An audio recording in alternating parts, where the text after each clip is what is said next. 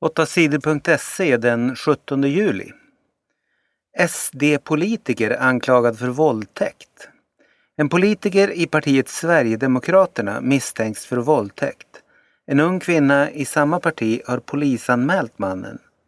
Kvinnan säger att mannen våldtog henne under politikerveckan i Almedalen på Gotland. Jag låg och sov. När jag vaknade låg han i min säng, säger kvinnan till tidningen Aftonbladet.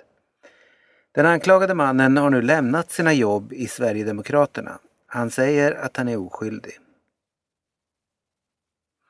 Sverige vann mot Italien i fotbolls-EM. Det går bra för Sverige i fotbolls-EM. Sverige hade inga problem att vinna tisdagens match mot Italien. Sverige vann med 3-1. Men Sverige började inte alls bra. I den första halvleken blev det inga mål alls. I andra halvlek satte svenskorna bättre fart på bollen. 36-åriga inhopparen Therese Sjögran gjorde mål efter bara några minuter på plan. Sedan gjorde Sverige två mål till på bara några minuter. Matchen var avgjord. Italien hade väldigt få chanser att göra mål, men i slutet av matchen gjorde Italien 3-1. Sveriges seger betyder att laget vinner sin EM-grupp och är klart för kvartsfinal. I kvartsfinalen får Sverige möta det tredje bästa laget i grupp B eller C, Sverige har en jättechans att vinna och ta sig till semifinal.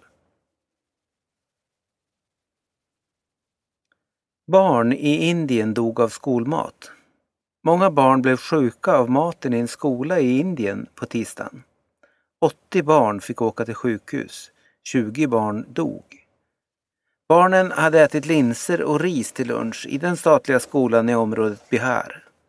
En läkare på sjukhuset säger att det var insektsgift i maten som dödade barnen.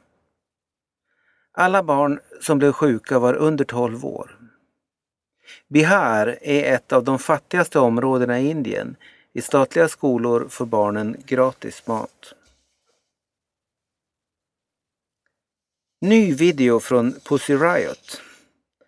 Förra året blev den ryska konstnärsgruppen Pussy Riot känd i hela världen. Då dömdes två av medlemmarna till fängelse. De dömdes för att ha spelat musik i en kyrka i staden Moskva. I musiken kritiserade de Rysslands ledare Vladimir Putin och kyrkans ledare. Nu har Pussy Riot gjort en ny musikvideo. Låten heter Like a Red Prison och hade premiär igår. Videon är inspelad på en oljepump.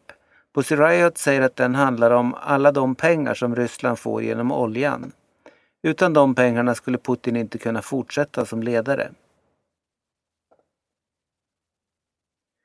Flera hundra skattebrottslingar slipper fängelse. De som döms för att ha fuskat med skatten kan straffas med fängelse eller att betala mer pengar i skatt. Men de kan inte straffas på båda sätten.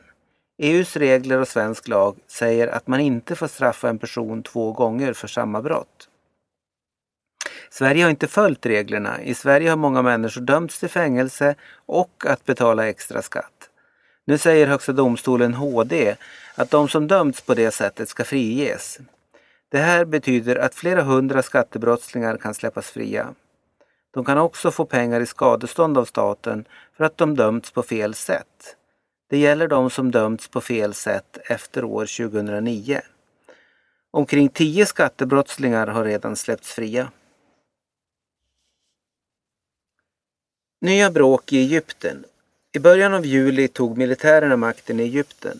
Landets valde president Mohammad Morsi tvingades sluta och sattes i fängelse. På tisdagen fick Egypten en ny regering. Den ska styra landet i ett halvår. Sen ska det bli ett nytt val. Det har militärerna lovat. Men de som stöder Morsi fortsätter att protestera. De säger att den nya regeringen är olaglig. De kräver att Mohammad Morsi släpps ur fängelset. Det blev nya protester och bråk på tisdagskvällen. Demonstranter slogs med varandra på gatorna i Kairo. Sju människor dödades och fler än 200 skadades.